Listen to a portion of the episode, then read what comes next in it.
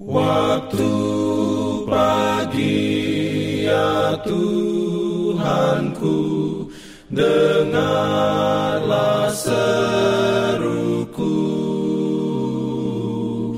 Melayang doa yang sungguh Memandang padamu. Selamat pagi pendengar Radio Advent Suara Pengharapan Mari mendengarkan suara Tuhan melalui tulisan pena inspirasi bersama Allah di waktu fajar. Renungan harian 19 Desember dengan judul Abraham menantikan sebuah kota. Ayat inti diambil dari Ibrani 11 ayat 10. Firman Tuhan berbunyi, Sebab ia menanti-nantikan kota yang mempunyai dasar, yang direncanakan dan dibangun oleh Allah. Beroleh.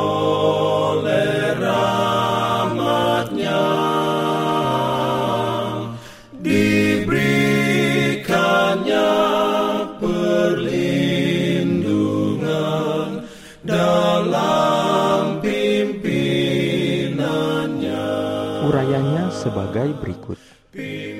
Abraham tidak mempunyai harta benda di dunia ini setapak tanah pun tidak. Ia mempunyai banyak perkara, dan ia gunakan semuanya itu demi kemuliaan Allah dan untuk kebajikan sesama manusia. Tetapi ia tidak menganggap dunia ini sebagai rumahnya. Tuhan telah memanggil dia untuk meninggalkan bangsanya yang menyembah berhala dengan janji akan memberikan kepadanya tanah Kanaan sebagai harta milik untuk selama-lamanya. Namun demikian, baik ia atau anak-anaknya atau cucunya tidak memperolehnya. Pada waktu Abraham mencari satu tempat untuk kuburan, ia harus membelinya dari seorang Kanaan. Satu-satunya harta miliknya di tanah perjanjian itu adalah liang kubur yang ada di gua Makpela. Tetapi firman Allah tidak pernah gagal ia juga tidak menemui kegenapannya yang terakhir dengan didudukinya Kanaan oleh bangsa Yahudi.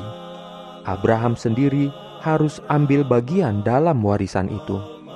Dan Alkitab dengan jelas mengajarkan bahwa janji-janji yang diberikan kepada Abraham akan digenapkan melalui Kristus.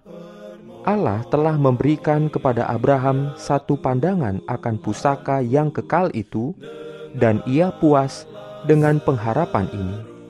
Karena iman, ia diam di tanah yang dijanjikan itu, seolah-olah di suatu tanah asing, dan di situ ia tinggal di kemah dengan Ishak dan Yakub, yang turut menjadi ahli waris janji yang satu itu. Sebab ia menanti-nantikan kota yang mempunyai dasar, yang direncanakan dan dibangun oleh Allah. Tentang keturunan Abraham tertulis sebagai berikut.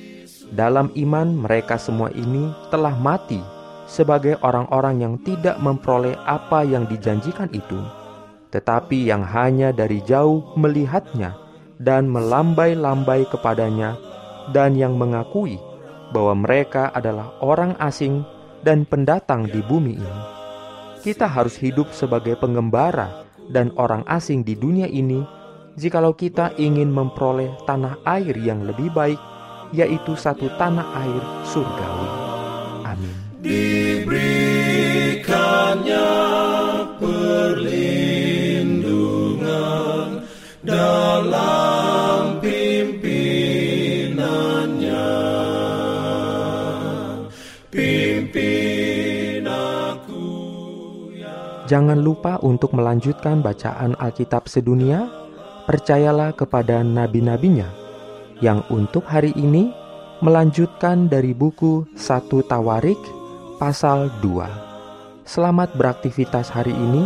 Tuhan memberkati kita semua. Jalan kewajiban. Jalan keselamatan.